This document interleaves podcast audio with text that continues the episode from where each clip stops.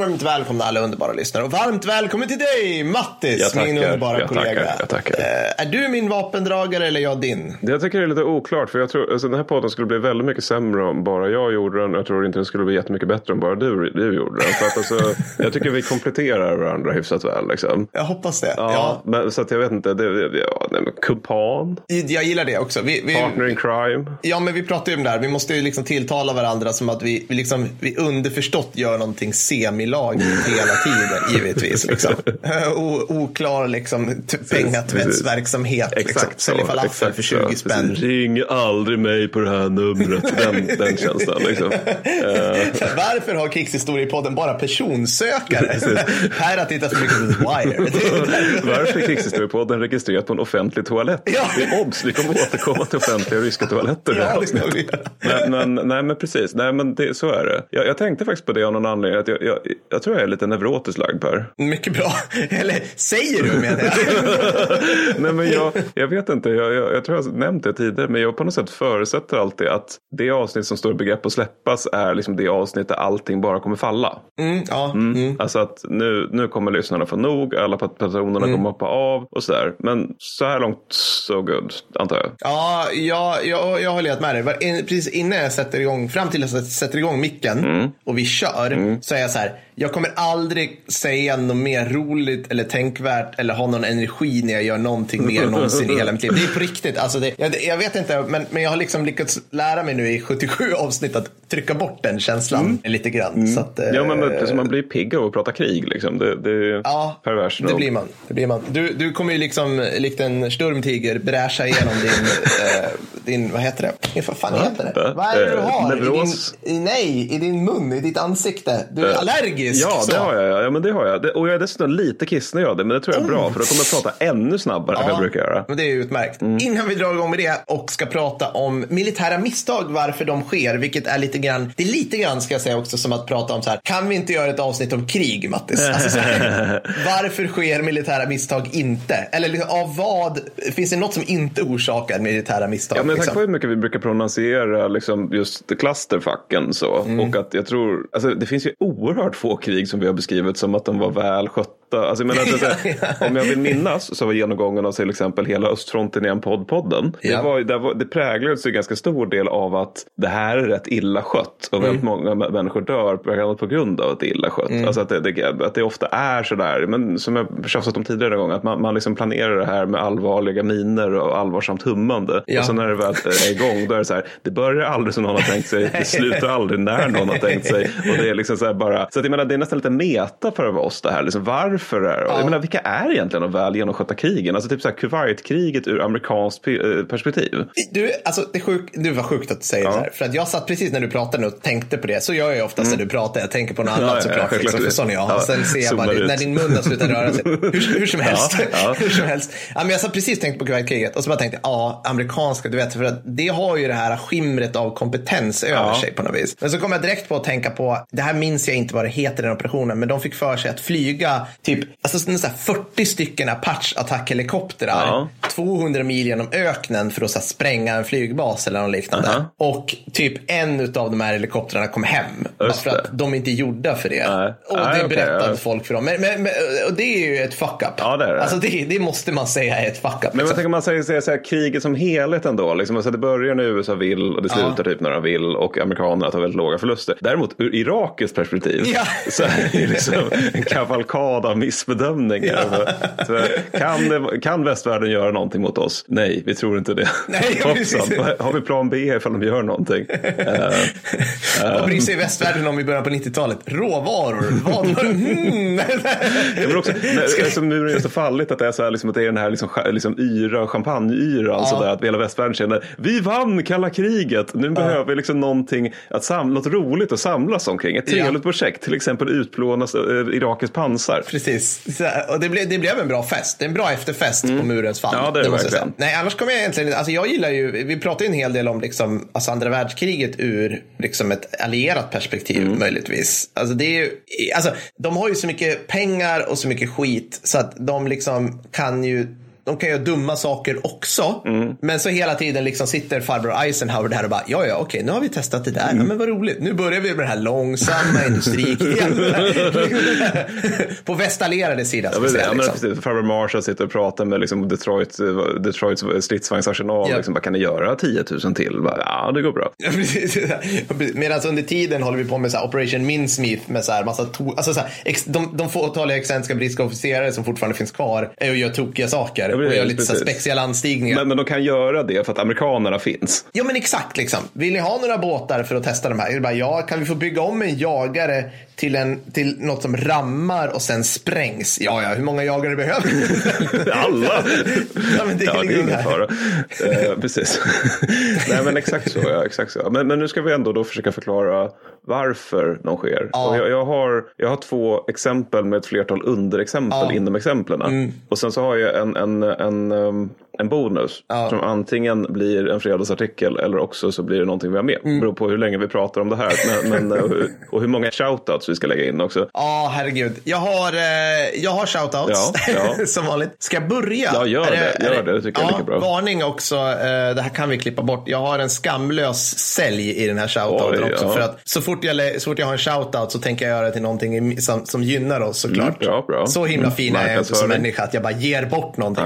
Hur som helst, Adam Kjellin skriver på Twitter. Tack för att ni kom till FOS! Utropstecken. Ser fram emot flera avsnitt och hoppas ni tog med några galna idéer från Erik som är alltså den andra arrangören. Tack för de filosofiska och politiska samtalen Mattis. Ja, ja, visst. Det var bara trevligt. Ja, fint. För det här avsnittet spelas in precis efter att vi har varit på FOS och gjort bakåtvolter av lycka för att vi får prata om dåligt militärt ledarskap framför ett gäng intresserade studenter. Det var skitkul. Vill man, nu kommer det här skamlösa, plötsligt. vill man att vi kommer till din arbetsplats, skola, regemente, flottilj, mammas källare så mejlar man oss, krigsturpodden at gmail.com eller, och den här, den här sidan lever lite i skymundan så jag lägger upp den här. Man går in på krigsstorypodden.com, sen klickar man på krigstimma produktion som så här underflik och där botaniserar man lite bland så här paketerbjudanden eller vad vi ska, vi har, vi har, vi har, hybris nog kallat dem. Liksom. jag vet inte. Och liknande. Och så finns det ett for, kontaktformulär.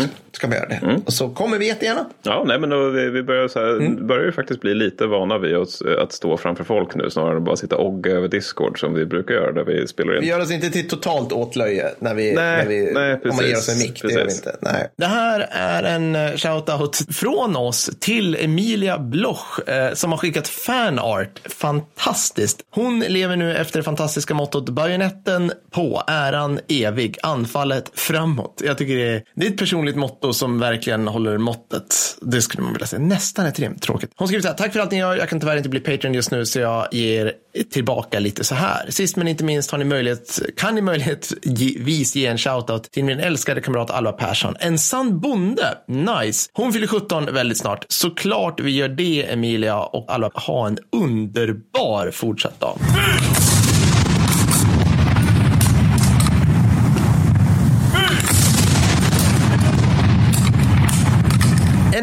Fin shoutout till uh, Lukas Norsell, vilket jag tror jag känner dig Lukas också. I vilket fall, från Magnus Persson. Lukas, du fyller år den 27 juli och eh, han ska få ett trefaldigt skånskt hurra på hans födelsedag. Han är en god kompis, skriver då Magnus Persson till oss sen länge och fick mig att lyssna på er och bli Patreon. Tack Lukas! Jag hoppas vi syns i det gröna snart och tack Magnus för att du är en sån fantastiskt god kamrat tillbaka och blir Patreon. Jag gillar det mycket bra. Ja, eh, hade du fler shoutouts? Jag är klar. Du är Ja. klar? Okej. Ja, men då så, då så eh, har jag dels en shoutout till eh, Daniel Tyngel, som Mm. vill, eller Tyngel, Tyngel, som vill framföra ett citat. Grattis kamrater och lycka till på 31 Ni kommer lösa det galant. Och slutcitat. Och det är då till hans kamrater som i maj klarade testerna till 31 bataljon. Oh, coolt. Så att eh, det blir lite eftersläp eftersom det här släpps i juli, men det är vad det är. Sen, så, sen så, kan jag också göra en shoutout till podden 22 frågor. För de frågade om jag ville vara med och då var jag med. Och det är en quizpodd och jag hade kul och så. Eh, jag var ingen bra på det, men, men eh, jag tror jag fick noll poäng av det enkla skälet att jag satsade alla de pengar jag hade fått på en, på en utslagsfråga där jag hade jättefel. Men de finns i varje fall, de kan du lyssna på. Jag gillar ändå att du gjorde det, för ingen minns en fegis. Man vill ju ha spänningen nej, nej, men, i alltså, det var typ så här för, för, men det var så här, man skulle få pris så skulle man ha 20 poäng och jag hade 11 poäng när jag hade gått 19 frågor. Så ja. då tänkte jag att då är det väl lika bra att satsa liksom. Ja. För att om jag kan det får jag priset. Vad var utslagsfrågan? Det var, okej okay, spoiler alert, men det var vad är Skottlands liksom, nationaldjur så? Och då, det, det, alltså, typ exempelfråga jag inte har. Ja men eller hur, men det, det, får eller bagge, men det är tydligen enhörning. If I didn't kick so much ass I'd feel a tad awkward. ja, men så, så kan det vara. Ja. Och det visste inte jag. Så jag tappade. Men jag fick, jag fick ändå, jag fick i alla fall priset, vilket var en, en nordvietnamesisk hjälm. Oj, eh, den, här, den här är dock gjord för mycket, mycket små män. Varför den satt som en fingerborg på mitt huvud. Ja. Den var för stor för min frus huvud. men däremot så passade den perfekt på min tre och ett halvt årige son. Underbart. Som har ärvt mitt huvud. Ja. Det vill säga grotesk elefantskall i mitt fall. Då. ja, vad roligt. Ja, men vad kul. Mm. Vad kul att du fick vara med i en podd. Grattis Mattis, mycket bra. Ja, men de och Logistikpodden har jag tagit ja, så här ja, långt. Det gillar vi. De kan också få en första shoutout. Ja, de fick det nu. Nu fick de absolut ja, det. Ja. Bättre sent än aldrig. Okej, okay. en till eh, väldigt speciell shoutout här. Jag sitter jag och spelar in mitt i semestern. Hej Krigshistoriepodden. Jag har lyssnat på er i drygt ett år och varit Patreon sedan några månader tillbaka. Jag skulle vilja en shoutout till personen som introducerade mig, introducerade mig till er fantastiska podd, nämligen löjtnant Edvard Selander. Han har tragiskt stupat i kriget i Ukraina. Eh, Selander var mitt plutonsbefäl under lumpen och en av de personer som gjort mig till den jag är idag. Det skulle betyda extremt mycket ifall han kunde få en shoutout från sin favoritpodd Vila i frid och evig ära Selander. Hälsningar Simon Augustsson.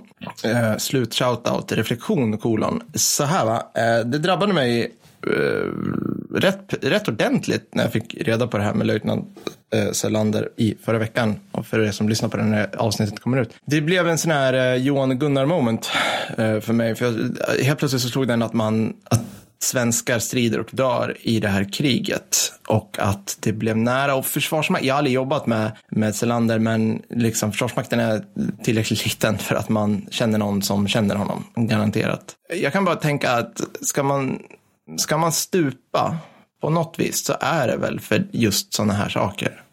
Det är det jag kan känna. Och jag hoppas verkligen att han, att Selander får den, den, det tack från riket som han förtjänar. Jag vill ha statsbegravning, jag vill ha salutskjutning, jag vill ha en flagga över kistan, jag vill ha hela skiten. Jag vill ha, fan vet jag, pension till hans familj, någonting sånt.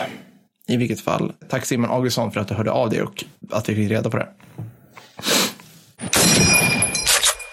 Var ska vi börja någonstans? Ska vi börja under havet eller var ska vi, vilken nivå tycker vi? Alltså det finns så mycket att ta av här. Jag är helt lyrisk. Alltså, jag, jag, jag tänkte att man kan väl börja med industriella felsatsningar. Nej, det är så sexigt. Kan ja, vi få in det... lite explosioner och kulsprutor innan ja. vi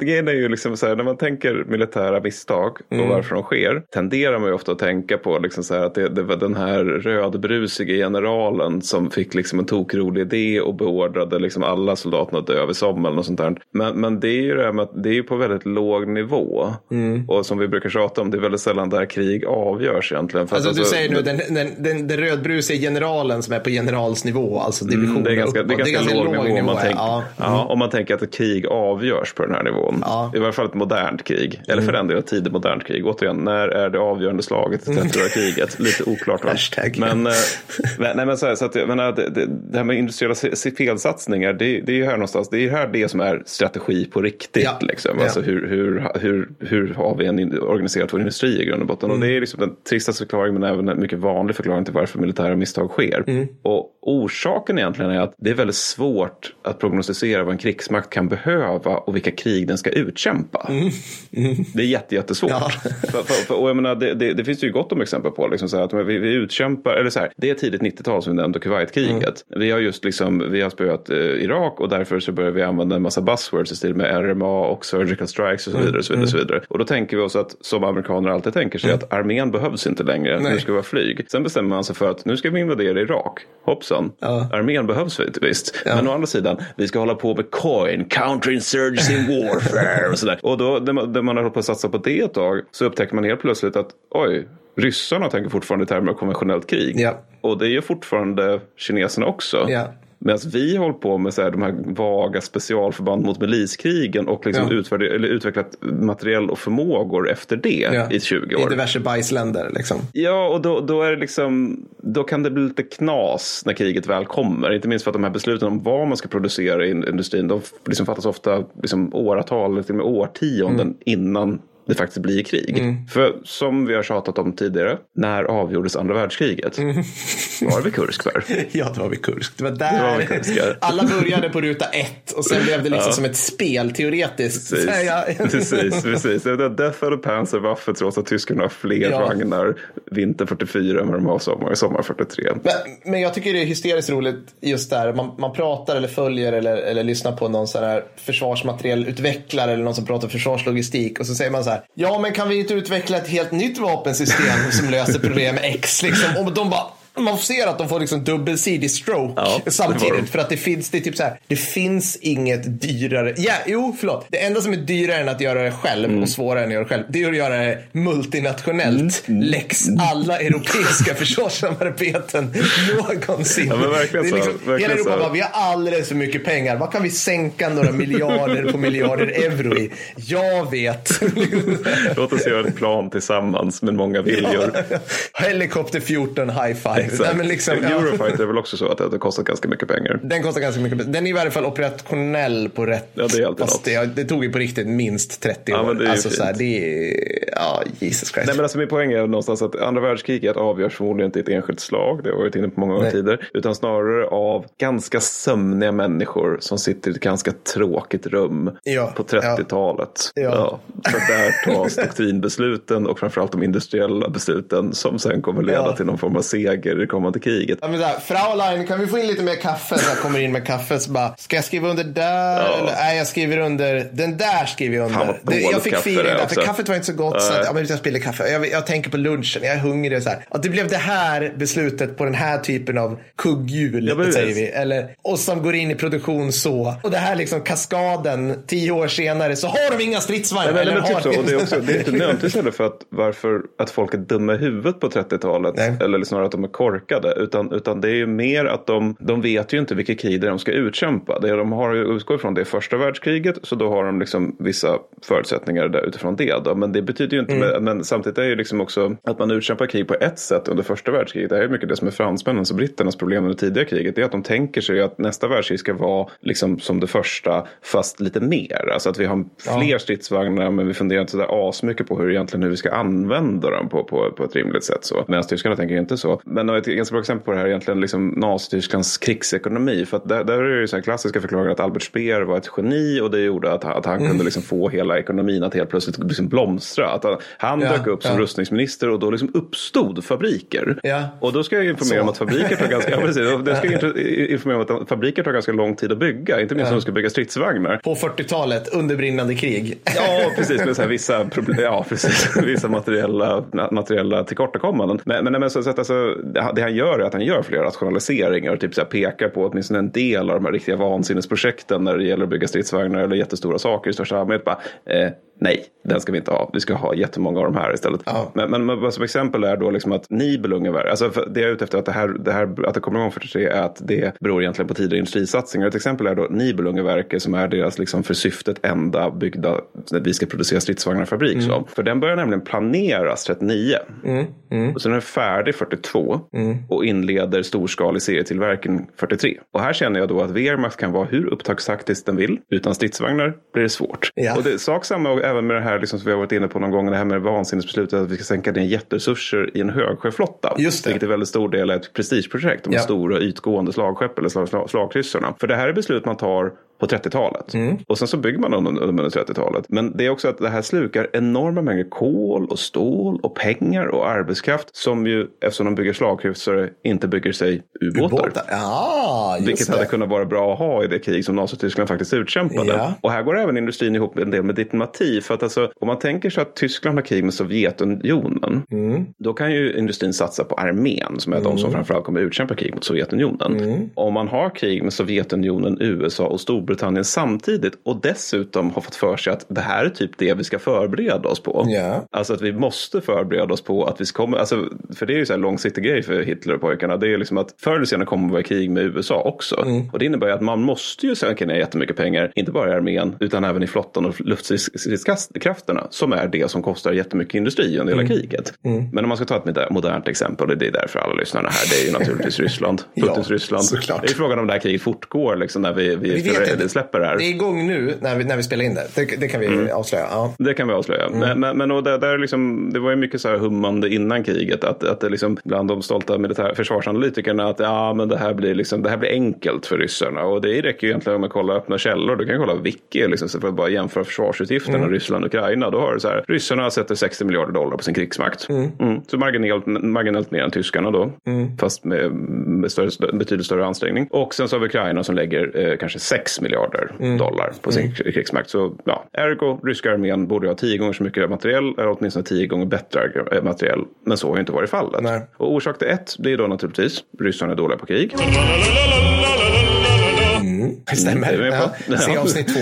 Se Ja, se avsnitt två. Ja. Som har stått sig häpnadsväckande väl måste man Ja, säga. det. Men, men alltså, orsak två det är ju då också det här just med industrisatsningarna. Alltså att de, de utkämpar ett krig som de inte riktigt verkar ha gjort sig redo för. Nej. För att det här kriget som de utkämpar i Ukraina det är ju precis som det som tyskarna ut, eh, utkämpade mot Sovjetunionen. Ett som armén sköter framförallt. det. Alltså Ja. ett armékrig. Men det ryssarna har gjort i sina industrisatsningar det är att de vill satsa på dels en stormaktsflotta som ska vara färdig till 2027. Och sen vill de också modernisera sina kärnvapenstyrkor. Ja.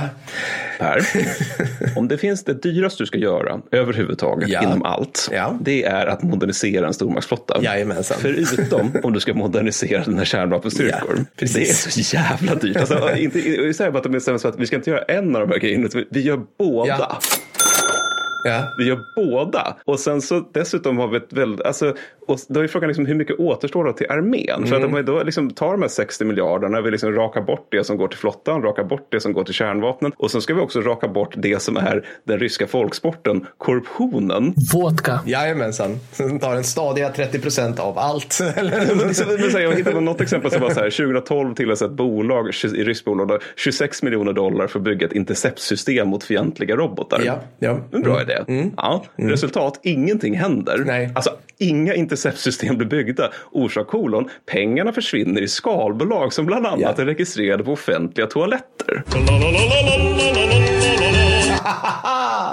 Snyggt. Så att, det, ja. det är så här, det är så här liksom Uppdrag granskning åker så här. Ja, här ska fabriken vara. Tomt fält. Alltså så här, liksom, så. Ja men typ så. Ja. Typ så ja. och, och, och, det, och istället så försvann det ju då liksom, det är någon så här, eh, industrimagnats fickor och sen så började, började väl de bygga yachter och dachor och liksom köpa hus i Saint-Tropez och fotbollsklubbar i, i Storbritannien och sådär. Men liksom det som inte hände var att ryska krigsmakten fick interceptsystem mot Nej, robotar. nej. Men däremot försvann ju pengarna från försvarsbudgeten på något sätt. Då. Så man tar bort allt ovan då är frågan liksom, hur mycket återstår till armén som ska utkämpa Ukraina-kriget? Just det. Nog ganska lite. Typ en halv trasig armata. Så, Ja, men typ, liksom. exakt, som så havererar när man ska åka på Röda torget. Ja. Men, för det, det blir just det här liksom att då, då måste man, man ska ta bort allt det här från de 60 miljarderna och jämföra med de 6 miljarderna som Ukraina spenderar som ju förmodligen till betydligt större del hamnar där de ska. Mm. Och sen så då lägger man till att ryssarna är oförmögna till att kriga.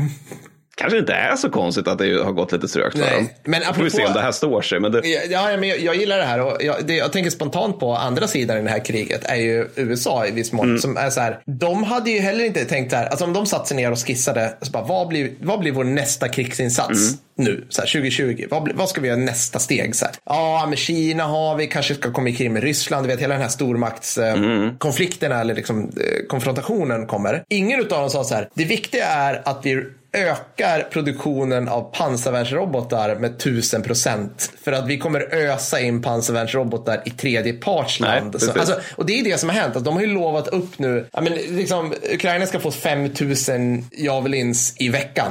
Liksom. Det, alltså det är en galen siffra. Det är jättemånga. Jag vet inte, 500? Nej, det är 500 ja, kanske. Det är jättemånga i, i varje fall. Det är jättemånga. Det är jättemånga för de här kostar, de här är svindyra och jättebra och alla, allting. De tillverkar kanske 500 per år i USA eller något sånt. Liksom. Och jag säger inte att de inte klarar det här. Jag säger, alltså, de kommer ju fixa det här och det kommer ställas om. Men det blir dyrt och svårt för de fabrikerna just då. Mm. För det här är liksom, det här är liksom komponentsystem. alltså det sitter enskilda individer och löder mm. det här på en jävla fabrik i Raytheon eller liksom på en Raytheon-fabrik i Mellanvästern antar jag. Mm. Och liksom, ja nu är den klar så lägger vi över den till Jeff där borta och han ska putsa på den ett tag.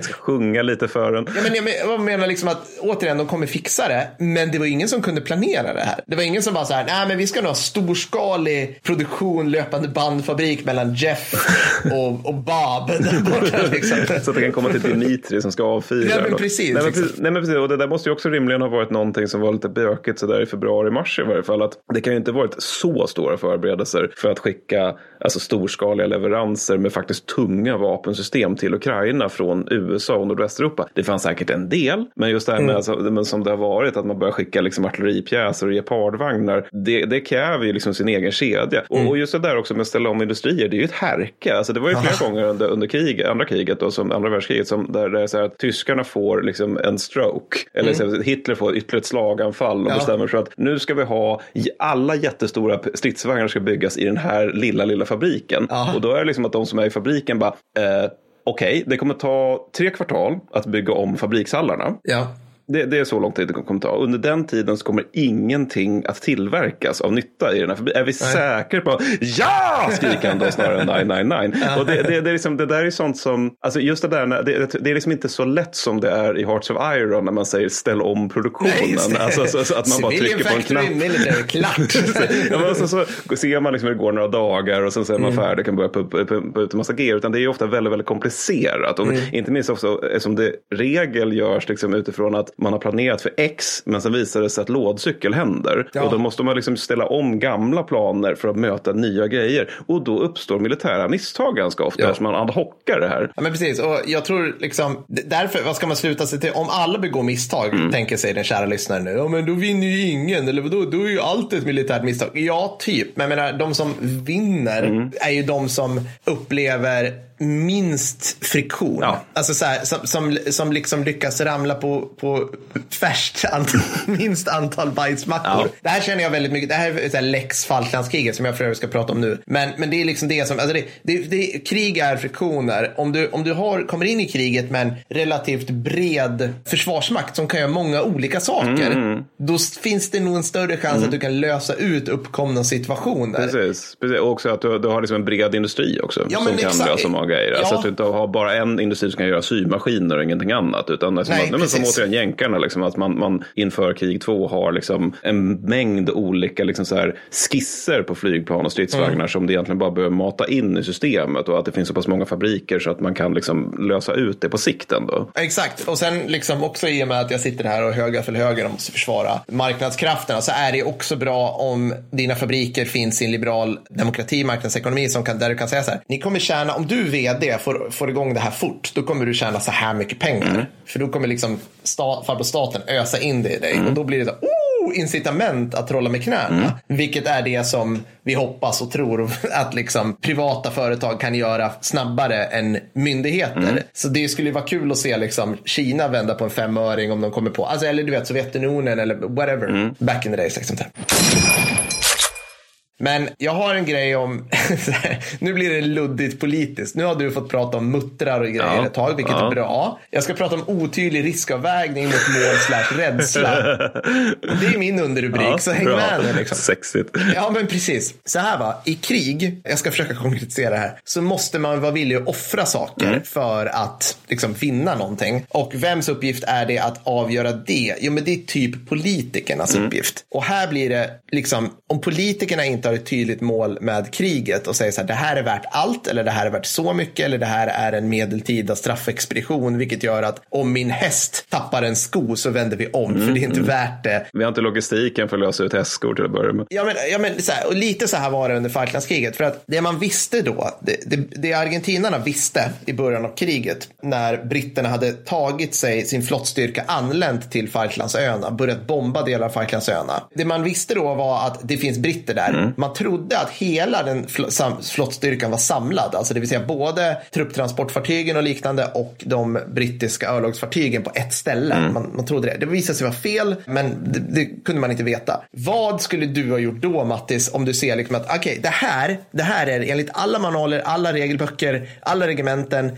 och hela den militära historien är ju det, det, det ögonblick då de är mest sårbara. Mm. Ja, men då skulle du försöka anfalla mot dem, då, verka mot dem, liksom, spränga dem. Exakt, precis. Ja, men precis. Och då hade ju då alltså argentinarna sint Ara 25 de Mayo som betyder typ 25 maj eller något där på spanska. De spelar mycket så här gitarr på flygdäcket på det här. Mycket Evert Taube-låtar. Jag tänker ju på Cinco de Mayo här, du vet man kastar pärlhalsband åt folk och sådär. Alltså att det är Ja, tequilafest. de hängde det på flygplanen på fartyget på Cinco de Mayo. Ding, ding, ding, ding, ding, ding. Ja. Eh, Men så den ligger då eh, strax utanför den här eh, som britterna utlyste Total Exclusion Zone. Där liksom innanför den här zonen som går runt mm. Falklandsöarna kommer vi sänka allt om vi har möjlighet. Argentinarna vet att britterna har atomubåtar. Ja. Atomdrivna attackubåtar. Hur farliga är de? De är svinfarliga. Alltså ja, de är farliga. Ja. Alltså fine. Vad hade de gjort precis innan det här? Jo, men de hade sänkt kryssaren Belgrano, en, en kryssare från andra världskriget. Jättejobbigt för, för liksom, det var, det var en del, den kryssaren var en del av den liksom kniptångsmanöver som man hade tänkt göra på Falklandsöarna. Det var den södra delen, eller södra kniptångsmanövern. Och eh, han gav fartyget en Sintermayo var den norra. Mm. Fair enough. Så att det här är ett hard blow. Men alltså argentinarna har på pappret fem, sex, sju, åtta stycken, vad kan vi kalla det, fregatter till jagare med Exocet sjömålsrobotar. Alltså det är kvalificerade grejer byggda av britterna för inte jättelångt innan kriget. Kanske ett decennium. Och väl med franska robotar också. Och franska robotar kan vi föra Marseillesen.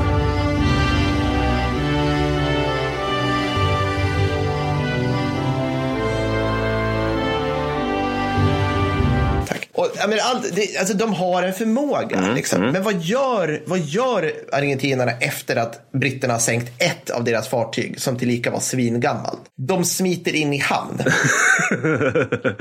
hela, hela argentinska flottan drar in i hamn. Vilket är roligt, för det var nämligen den argentinska marinchefens idé att invadera Falklandsöarna.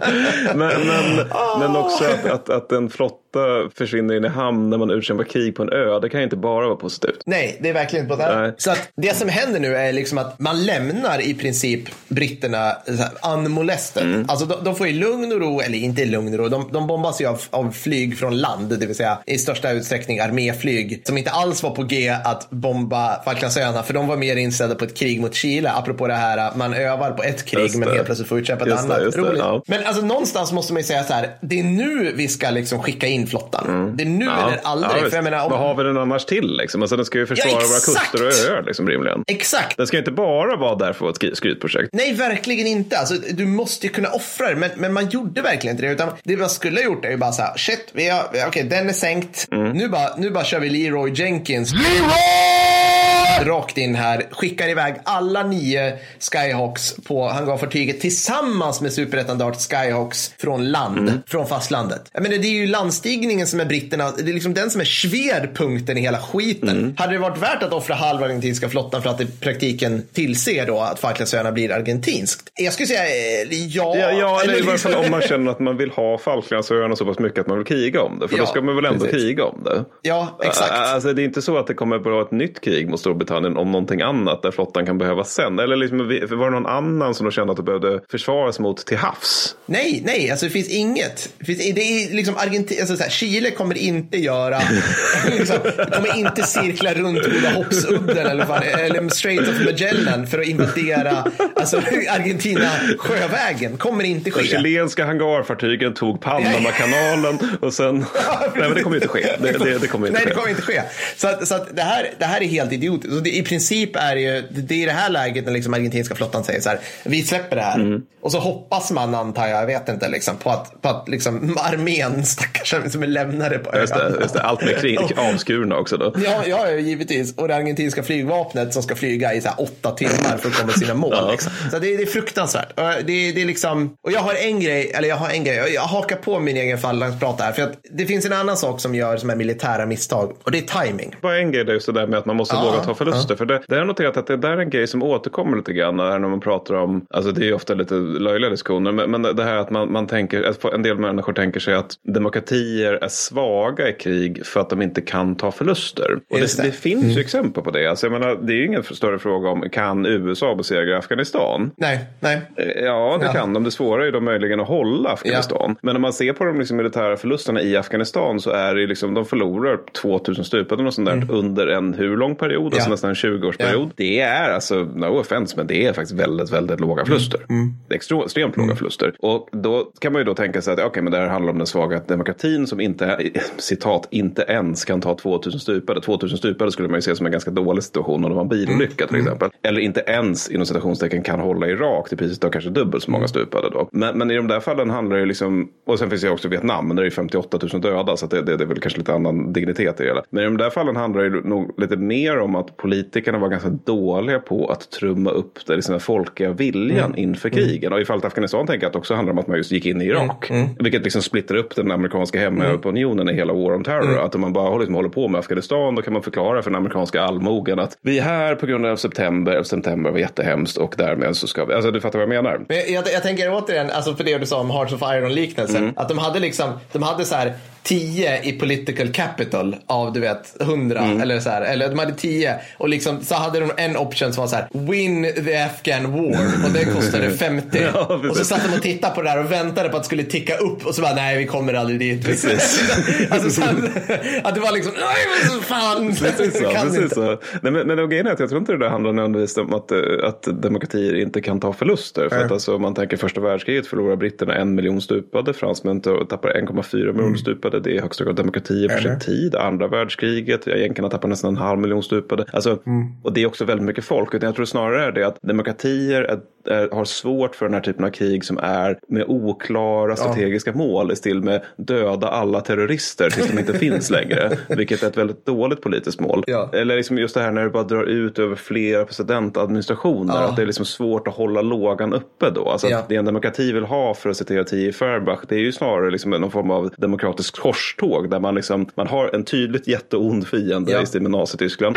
Sen kastar man sig den över, över den i konventionell krigföring. Och sen slår man den under Mm. liksom en väl avgränsad tidsrymd. Och det inte är det här böset där det bara är en massa miliser. Man bara sitter Nej. fast i evigheter och pengar bara går dit. Och man fattar inte, befolkningen fattar inte vad man får ut Nej. av det hela. Alltså det är snarare det som är demokratiernas svagheter. Men det, och det, och det fixar de ju. Ja. Alltså, eller förlåt, alltså det, det totala kriget fixar demokratier Ja, ja, om, man, om man kan så säga så här, hörni, det här är för vår existens Mm. nu, för världsordningen och allt det här. Liksom. När de gick i land i Normandie, då visste de så här, okej, om jag tar mig härifrån till Berlin, då är ju kriget vunnet. Mm, precis. Klart, liksom, vi har vårt mål, det är där borta. Och där är det ju också att, man, att alla är införstådda med att det här kommer kosta en jävla massa amerikanskt och brittiskt blod. Att Göra Absolut. det. Liksom. Men, men så, Ja. mm. Nej, men det, det är intressant. Bra, bra, bra stickspår. Tack. Mitt, mitt egna stickspår på stickspår, för att det var vi inne på först, så att du stickspårade från mitt stickspår, men det är mycket bra med stickspår. Det är ju sinnessjukt usel timing. Mattis, har någon jag, här- för, för att paja min egen prata, har någon general någonsin sagt till sin politiker så här, nej men vi kan börja kriget nu, det är perfekt timing för oss att börja kriget. Det, det är så här, allt är på plats, allt, vi behöver inte vänta på något materialsystem, alla soldater är välövade. Har någon sagt det någonsin? Nej, det var nog inte sagt så. Det, det, det finns ju sådana exempel där de, känner, där de håller på att liksom hetsar politikerna att om vi bara kommer igång nu så kommer fiendens sån situation vara värre än vår. Liksom. Ja, just det. Mm, precis. Nej, men jag, bara, jag bara tyckte, för, för återigen, Farsland är ett sinnes... Alltså där är också så här, då kan man, det är svårt att hitta den sweet spoten då, som du sa. Liksom att så här, det, allt är perfekt kanske. Det finns inte många krig. Men, men, fa, men argentinarna var så ohyggligt dåliga. De skulle liksom under våren 82 läst alltså white paper om så här, fleet review, britt, brittiska planen för sin egen flotta och väntat några månader. Då hade de sluppit minst ett av två hangarfartyg. Ja, det är ju en bra så grej att slippa, För liksom. skulle yxa den jäveln.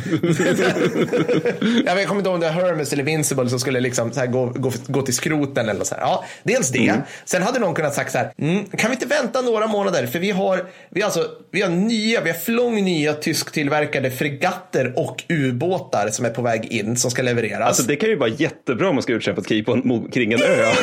Vadå? Kanske också några så här fler franska överljudsstridsplan och fler Exocet-robotar. Vadå, varför hade de så bråttom då? Alltså om det där är pipen, då är det väl... Hade de hade de utkämpat det 83, då hade det varit, hade det varit en jävla walkover för argentinarna för största sannolikhet. Men är inte du som har sagt någon gång att britterna liksom dessutom på grund av NATO höll på att gå över till att brittiska flottan ska syssla med ubåtsjakt mer eller mindre? Exakt, det var det enda de skulle göra. De, de skulle egentligen ha alltså, ett helikopterfartyg, Ja. alltså helikopterhangarfartyg. Och så skulle, för då, deras plan, och det här blir ju spännande om vi går med i NATO. När vi spelar in det här så är inte det klart Mm. än. Men liksom NATOs försvarsplanering var så jävla strikt under kalla kriget. Att liksom, britterna, ni har norra Atlanten. Ni ska inte vara någon annanstans. Ni ska ha ubåtsjaktsflygplan, ubåtsjaktsfregatter och typ ubåtsjaktshelikoptrar. Och ingen av de sakerna är särskilt bra att ha om man ska tillbaka, ta, ta, ta en fientligt hållen ögrupp i södra Atlanten. Det det, men det är helt precis, när man ska bomba liksom, de säkert man, man, då, man ska bomba liksom, de argentinska landgående ubåtarna. Då, men, Med torpeder och sjunkbomber. Ja, ja, nej, men det är ju det, det, det, alltså, det är så jordfräs som går igenom Falklandska fårfältet. Men jag bara undrar, liksom, så här, vad, det, det, du säger är alltså att om de väntar typ ett år så är de själva extremt mycket starkare Ja. och britterna extremt mycket svagare. Inte minst Ja. för att britterna har liksom sämre förmågor i grund och botten, snarare materiellt. Ja, ja, exakt så. Det är exakt dålig så. timing. Det är dålig Det är timing. väldigt dålig timing. så man bara, what the fuck?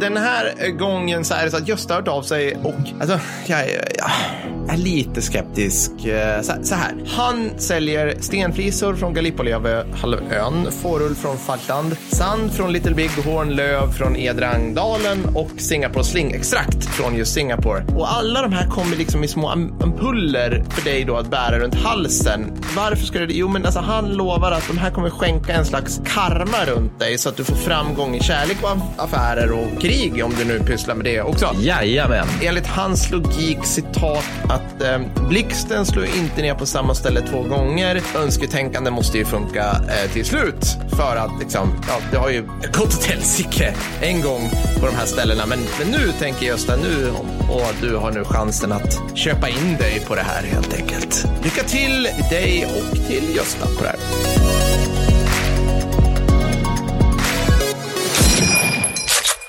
Jag har en grej om första världskriget bara för att jag vet att alla våra lyssnare är sådana satans hipsters. Så jag har liksom krämat ur mig en sån där. Men hade du något mer? Ja, jag har underskattning av motståndare. För det känns som att man kan liksom Ja. inte prata om militära misstag utan att prata om det. Nu har ju vi nu hållit oss på liksom mer strategisk nivå. Mm, Men nu, nu kommer vi faktiskt gå ner på en operativ och taktisk nivå här. Men alltså, grejen är att hybris är ju en väldigt vanlig åkomma i militära sammanhang. Mm. Och det kan ju handla om att man så har en övertro på den egna, de egna vapnen. Eller den egna förmågan. Eller som kommer vara i väldigt många av de här fallen, den egna hudfärgen. Ah. Eh, Det är också ganska vanliga grejer där. Välkomna till Södertörn-podden. Nej, förlåt. Nej, det där var... det var. Man tar avstånd från rasism Ja, då är man anklagar för vän vänster. Jag tycker det är bra. Eh, Men lustigt nog så är det då så att den grekiska mytologiska gestalten, för det fanns en sån, alltså någon form, av- jag fattar inte riktigt vad det var, en ande eller ett väsen, Okej. som heter just hybris. Är det, är det där det kommer ifrån? Det visste jag inte. Och vet, du, vet du vem hon är syster med? Eh, det här skulle jag ju ta då om jag satt i typ så här på spår. Nej, jag vet inte. Nemesis. Ja, Så såklart. hybris är syster med nemesis, det vill säga högmod går fuck före fall, Yes. för de är nämligen syskon. Men för att underskatta sin motståndare leder lätt till militär katastrof. Och Vi, vi, vi, vi pratar ju ogärna om USA innan eh, spanska-amerikanska kriget. Turn of the century, America's foreign diplomacy turned its gaze south, where they saw opportunities abound. Men en rolig incident är ju The Battle of, eller slaget vid Little Big Horn. För där har då överstelöjtnant George Custer som har en fantastisk mustasch och eh, liksom ser bra ut i största allmänhet. Han anför 675 man plus spejare i juni 1876. Så tack gode gud det är inte amerikanska inbördeskriget. Usch! Utan det, det här är strax efter, han har utkämpat det. Han, han, jag vill minnas att han faktiskt blev typ så här generalmajor men att det var så här brevettrang. Ja. Alltså att det det är så här tillförordnad generalmajor under det kriget. Men så fick han gå ner till överstelöjtnant av vilket var tråkigt. Inte helt ovanligt. I de Nej, nej, det var svinvanligt. Mm. Douglas MacArthurs pappa genomled det också vill jag minnas. Mm. Men oavsett, alltså, han får rapporter om att det, att det är cirka 3000 Sioux, Cheyenne med flera under bland annat Crazy Horse och Sitting Bull. Och det här är ju två liksom, hövdingar vars namn man känner igen, ja. vilket är ett dåligt tecken Ja. för Custer. Han borde ha tänkt det, Mm. att om 150 år kommer alla veta vilka Crazy Horse och Sitting Bull är. Så Cus- Custer, han anser då att hans, hans förband kan klara allt när han får frågan. Liksom att de här är fyra gånger fler. Bara, ah, nej, men det är lugnt. Så, men då är det ändå någon, någon överordnad. sån här, Ja, men de, är ju, de verkar ändå som att de är ganska många sådär. Och det liksom kanske inte bara är kvinnor och barn utan kanske många krigare där också. Så att vi har Gatling-kulsprutor här. Mm. De George kan du få. Du kan få mer av dem när du ska ge dig på den här, den här styrkan. Då. Vad säger då Custer? Jag vill tänka mig att han gör en Konrad och bara, det där är ingen värja. det där är inga hästar. Det är faktiskt ganska precis vad han säger. För, för, ja, först säger han ja, men sen ångrar han sig och skippar dem på grund av att de här lavettvagnarna då, som sprutorna är på, de gör hans kavallerister långsamma. ja, ja, exakt. Ja, Yes, precis. så är det. Eh, Så då får han i alla fall, efter att han har sagt nej till det, då får han order då om att ja, men okej, de är ändå ganska många, så du måste vara försiktig och du får inte gå på för snabbt. Liksom. Du, du måste ta det lugnt. Så. Var på, han går rakt på så snabbt han kan, Såklart. naturligtvis. Kan vi få höra Leroy? Tack.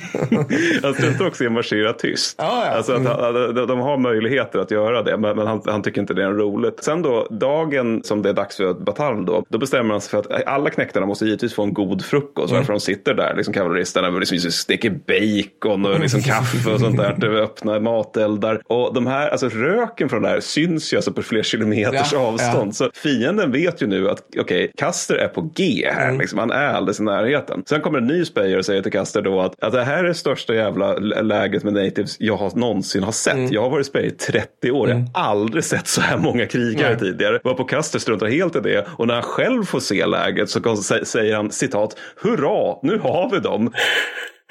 Och därefter sprider han ut sitt förband tunt Ja. för säkerhets skull. Ja. Alltså kan vi bara räkna igenom Ja. mängden vansinnesbeslut den här karln gör. Ja. Han sprider en tunn gruppering då istället för att göra liksom det här medeltida chockanfallet vilket ju ändå kan vara bra med kavalleri. Och sen så anfaller han då 225 man, 225 man mot en styrka på ja, alltså 3000 där kring. I och för sig, inte alla de är krigare men då, det är 225. Ja. Varken han eller någon annan av de inblandade överlever detta och totalt drabbas då USA av 300 förluster och eh, av 200. There's nobody bigger or better at the military than I am. Så det kan man då säga var att underskatta sin fiende en smula. Och om det här är någon, nu är någon där som tror att, eh, jag ska inte säga Ryssland igen här för jag ska inte tjata Nej, ut Ryssland grejen men, men det är liksom inte, det är inte bara i äldre tider man gör den här typen av vansinnigheter. Där det är liksom att man bestämmer sig att fienden är fauna, då kan Mm. vi bete oss hur som helst. Liksom. Typexempel på det är ju naturligtvis brittiskt, för nu börjar Åh, britthatet ja, här. äntligen. Äntligen. Ja. All of you will be damned. För att det är nämligen så att vi ska prata om försvaret av Hongkong 1941. Per. Oh, ja, vad var det du kallade det? Hipster Singapore? Ja, nu, äntligen. det. Ja, perfekt. Mm. Singapore har alla hört talas om och eh, för Hongkong har att det, det kanske inte fullt så många har hört talas om. Och Hock, alltså innan andra världskriget så tycker man att Hongkong är helt jävla hopplöst att försvara. Ja. Det går inte. Så att man överväger att göra det till en öppen stad ifall det skulle bli krig. Ja. Var på britterna då mot både råd och sans bestämmer sig för att istället förstärka försvaret av Hongkong. Då. Sen då, den brittiska chefen för de östasiatiska styrkorna när det ändå börjar bli lite klart tydligt så där, att ja, men okej, men japanerna kommer liksom anfalla oss. De, de marscherar mot oss. Han heter ju något roligt, den brittiska. Ja, vi, vi, vi, kommer till det. Han, han, han hävdar då att japanerna har citat smutsiga uniformer slutcitat Mycket och bra. är citat undermänniskor Mycket slutcitat. bra. Som han inte kan tänka sig kan sätta ihop ett citat intelligent stridande styrka slutcitat. Och naturligtvis heter denne man viceamiral Sir Robert Brooke Popham. Ja, ja. Kan vi klippa in en ung Christian Bale ifrån Solens rike? Är nämligen det det handlar om. Eh, väldigt roligt. Ja. är det den? Okej. Ja. Mm. Men och, sen så, och det är liksom hela, hela den liksom brittiska officerledningen liksom genomsyras av den här typen av så här dum rasism. För att det är så här att en brittisk officer har ju ändå varit i Kina, Ja. sett japanerna strida i Kina och fattat att alltså, det, det, det är liksom det, det, är, inte- det är inte, till skillnad mot vad många britter tror, det är inte apor vi slåss Nej, mot här, utan nej. det är människor som dessutom är väldigt organiserade och har en bra aggressiv armé. Mm. Så. Och då, då avfärdas han då av en stabsofficer som säger följande, och här Fredrik, jag vill ju att du skri, skri, eh, liksom klipper in någonting som låter brittiskt hurtigt och korkat i musikform. För den här stabsofficeren då säger då, citat, A preposterous old notion old boy. The Japs haven't got the manpower or the skill. Why, one of our soldiers were three of theirs. Slutcitat. Och där tänker jag att det där är på något sätt ljudet av brittiska imperiet som går under. Ja. Jag förutsätter att varje tappad koloni liksom gick under med ett sånt uttalande. Eller för att citera med Eddie Izzard att man sa oh really? Om och om, om igen tills imperiet hade fattat, tappat. Eller can they do that? Och själva i kolonin är man naturligtvis övertygad om att ingenting kan hända. Man har liksom pricknickar på stranden, det är regattor ute på vattnet, det är fina middagar sent på kvällen och så är det drinkar på klubben och bridgekvällar och sånt. Och allt det här fortsätter medan japanerna bara närmar sig. Och alla är övertygade om att japanerna inte vågar angripa en brittisk koloni. Nej. För orsaken är mycket enkel. De är japaner och vi är britter. Det säger är liksom sig så enkelt det är. Jag ska dö för Karl. De äter ris. Det var typ det man sa. Alltså det var helt tokigt. kan ju inte se någonting. De har ju sneda ögon. Det förstår Ja, man ju. det, liksom. Ja. Vi kom, kommer till det. För det är nämligen så att den 7 december så får britterna höra att 20 000 japaner börjar anfalla mot Hongkong. Mm. Britten, brittiska staben tycker utifrån så här oklara grunder att nej, nej, de är 5 000. Wasn't that better? Va- Varför? Nej, men därför att vi säger det. Och i själva verket är de ju 30 000 och det är ju en nackdel. I staden fortsätter naturligtvis brydningarna. De civila är övertygade om precis det du sa. Att japanerna har eh, snedvinklade ögon. Det innebär att de varken kan se eller förflytta sig på natten. Vilket är olyckligt när man möter en armé som specialiserar sig på fucking nattstrid. Well, I, Fortsatt peppig stämning ja. även när man liksom har dragit sig tillbaka från fastlandet sådär. Men jag, vill ändå jag skulle ändå le- leva i den här pre-VK VK2 brittiska imperiet. Det verkar så jäkla mysigt. Över hela världen är det bara liksom kolonialmys i brittiska...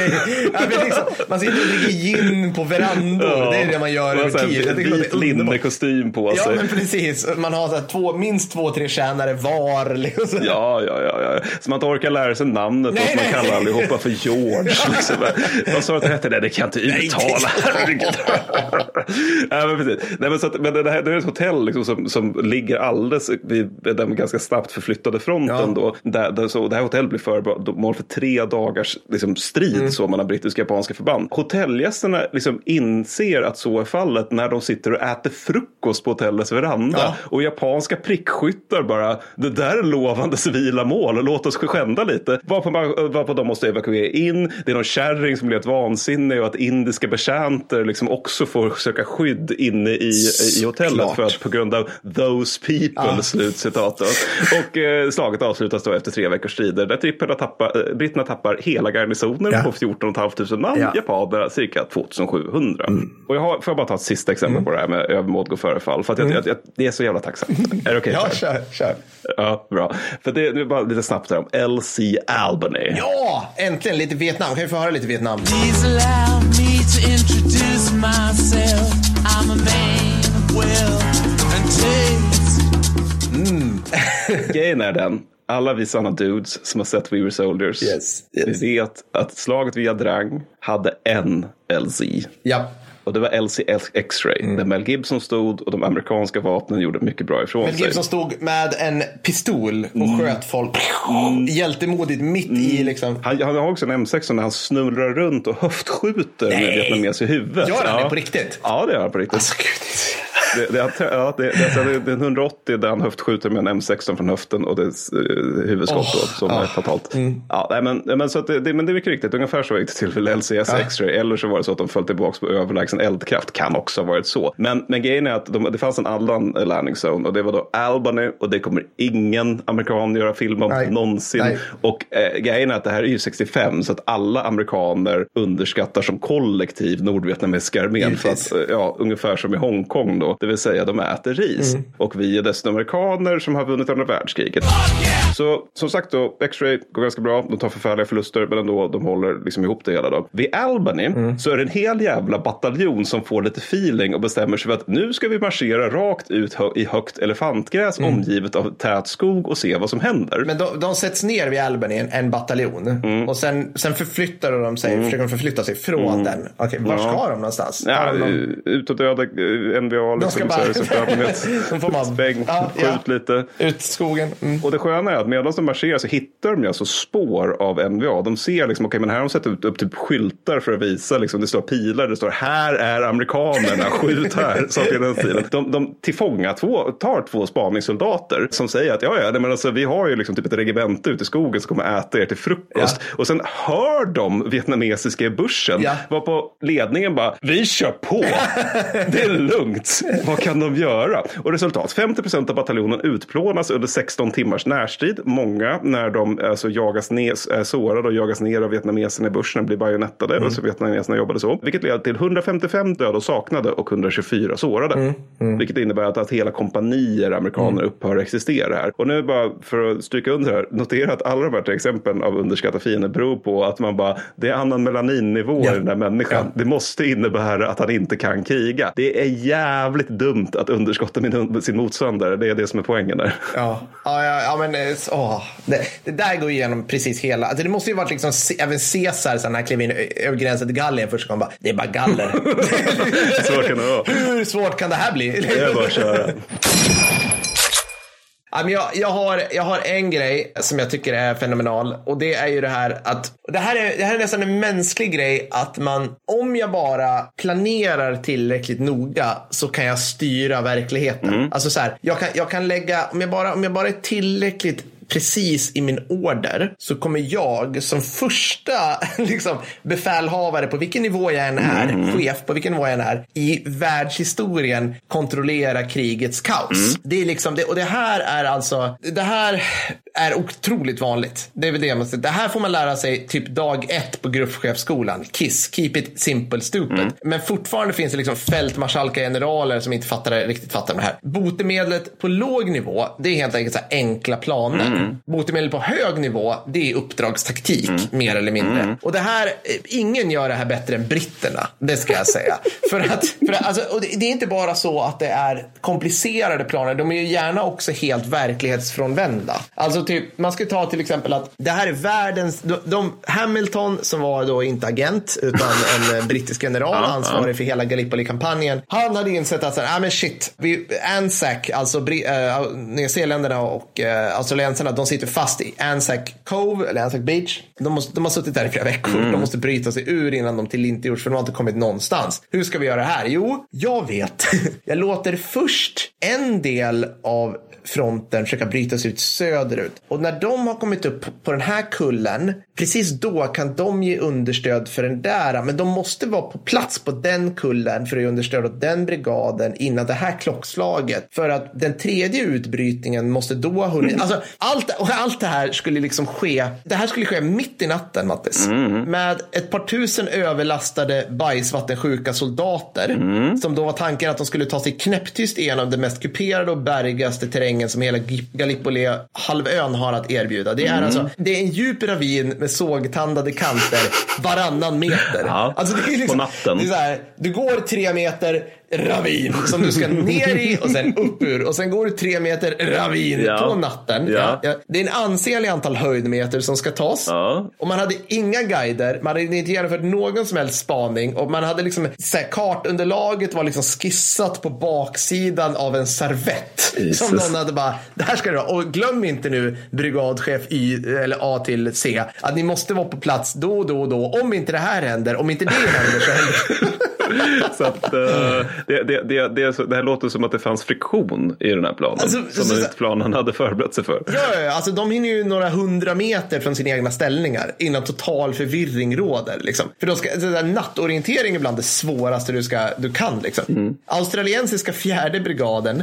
de tar sig 400 meter på tre timmar. Åh jävlar! Det är Ja, jag djungelhastighet. tänkte säga, precis, det där är ju så här Bunagona-tempo verkligen. Ja, jajamensan. Liksom. Och till slut gav i princip hela den nyzeeländska brigaden, som, var, som hade en alkis som chef för övrigt, de gav upp och sket, sket, sket helt enkelt i hela äventyret. Ja, ja, ja. Så här, I vankelmod och osäkerhet väntade de in en av sina sista bataljoner som hade vänt om utan att de visste om det. Men nu var det redan morgon. De hade tagit sig alldeles för kort. Man, det, det var morgonen som liksom hela, då, då vet vi att turkarna kommer, kommer se oss, det kommer utbryta strider och eh, då, då, ställs, då sätts klockan igång. För precis som i alla andra fronter på hela jävla första världskriget så måste man liksom, du måste hinna en bit till någon strategisk terräng innan fienden får fram sina förstärkningar för då är det kört.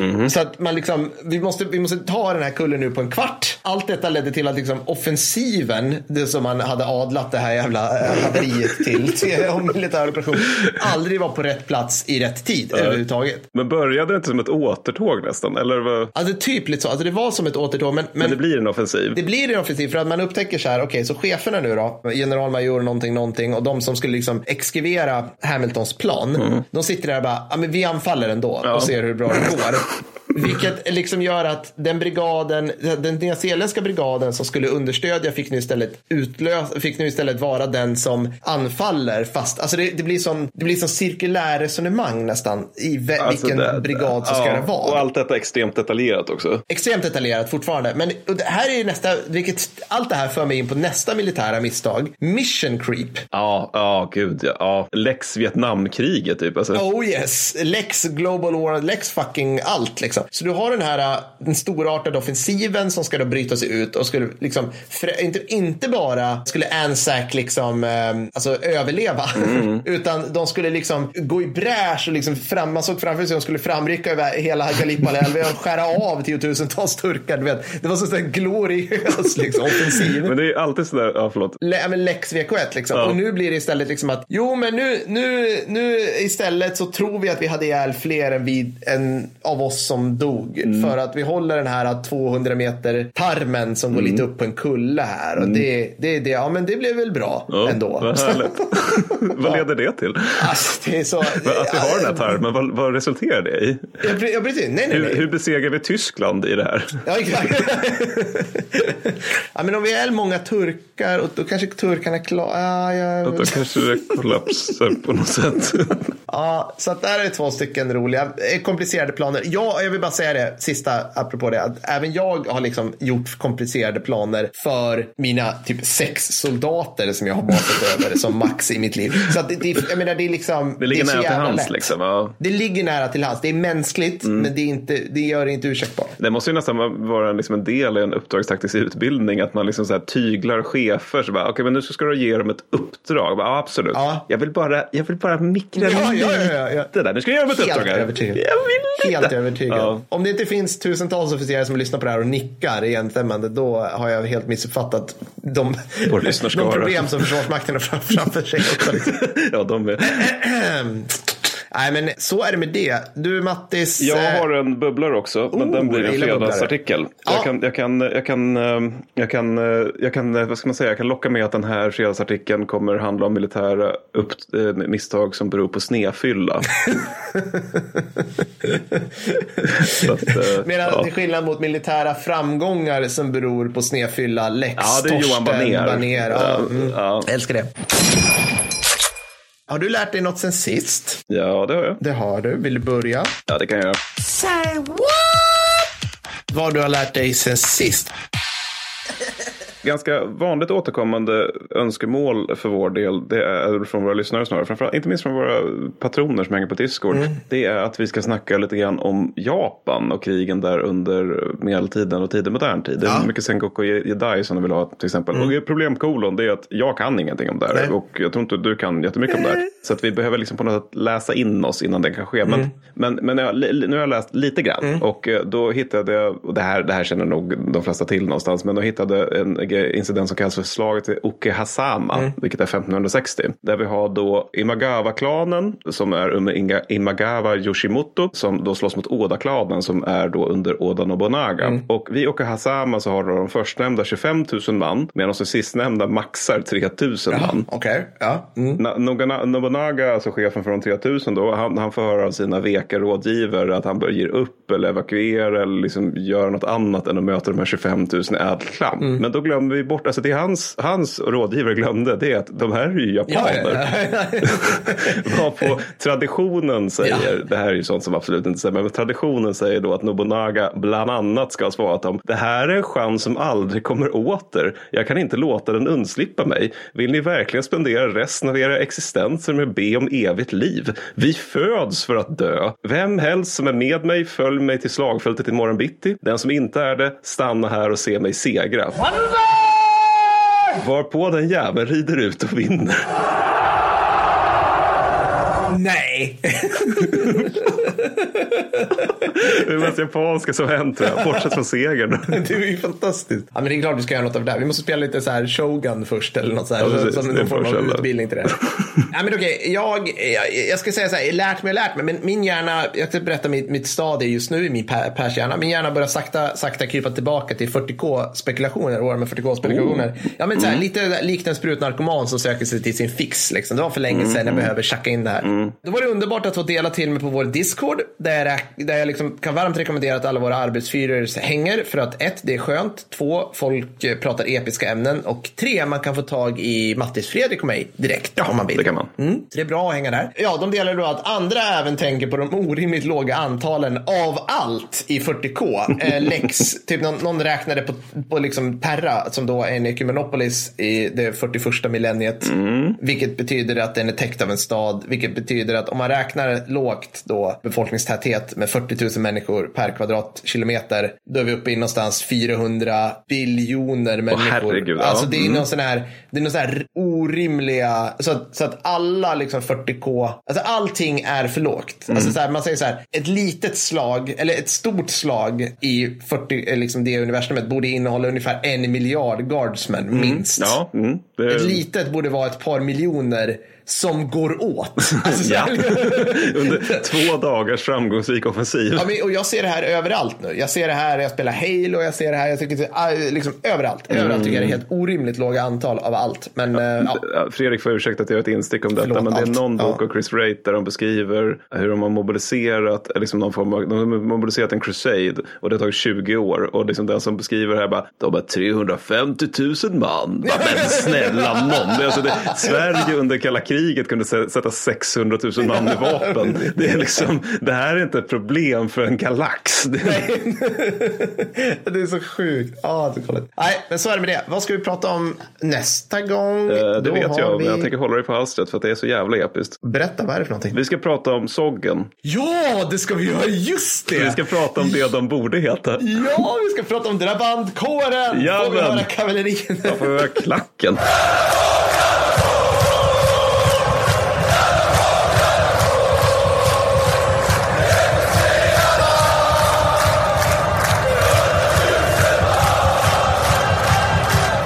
Jävlar. Det elitdigaste av alla svenska elitförband som vi har sagt inte existerar förvisso. Men det här var fan mig en elit. De är helt är- sjuka i huvudet. Ja, jag älskar det. Det här kommer bli skitroligt. Bra. Äh, men, eh, missa inte det underbara lyssnare. Så hörs vi då. Det gör vi. Bra. Då. Hej då.